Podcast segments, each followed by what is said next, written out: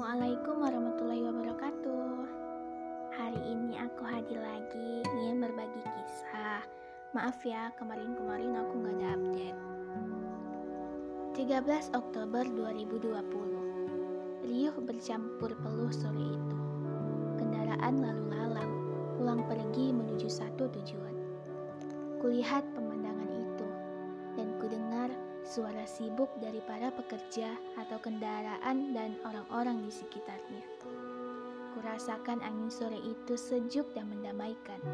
Kulewati Institut Teknologi Bandung.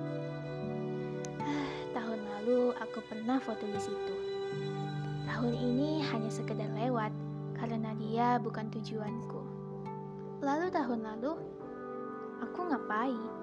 Gagal, tidak diterima Bukan, aku jalan-jalan saja dan singgah untuk berfoto. ITB, siapa yang tidak menginginkannya? Tapi cukuplah aku wujudkan baktiku untuk orang tuaku.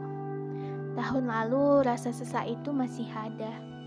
Rasa khawatir dan ingin memberontak itu sangat besar.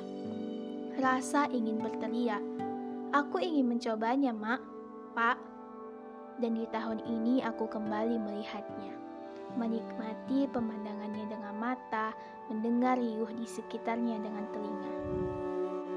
Tak hanya ITB yang membuat rasa kecewa, bahagia, senang, cemas, bingung, marah, dan lain-lain. Setelahnya ada UNPAD dan IPDN yang sangat diidam-idamkan. Aku melewatinya, aku melihatnya. Hei, Kau dengar aku gedung-gedung yang tampak gagah berdiri di sana? Tempat yang sama, namun dengan kekuatan hati yang berbeda saat melihatmu lagi. Sore itu menjadi sore di mana aku melepaskan mimpi-mimpiku, membiarkannya terbang entah diambil oleh siapa.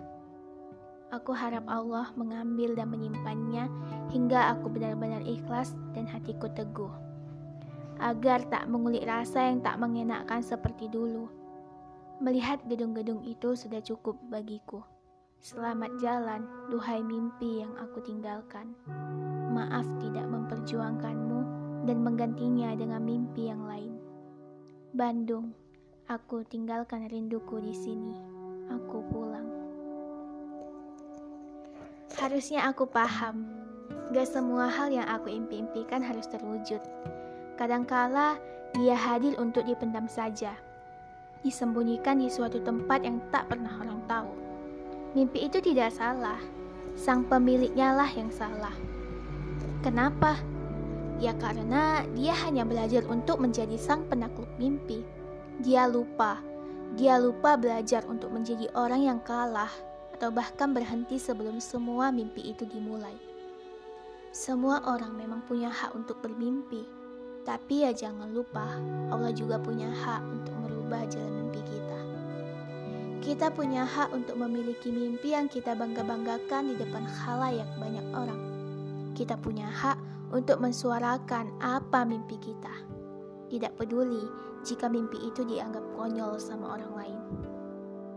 Ditolak, dapat jalan yang gak mulus, atau bahkan biaya dan orang tua yang menjadi kendalanya. Menyalahkan siapa? Salah diri kita yang gak mau bangkit dan mencari solusi lain, mencari mimpi lain, mencari jalan atau petunjuk dari Sang Maha Kuasa. Sudahkah kita bertanya, mimpi apa yang telah dipersiapkannya untuk kita?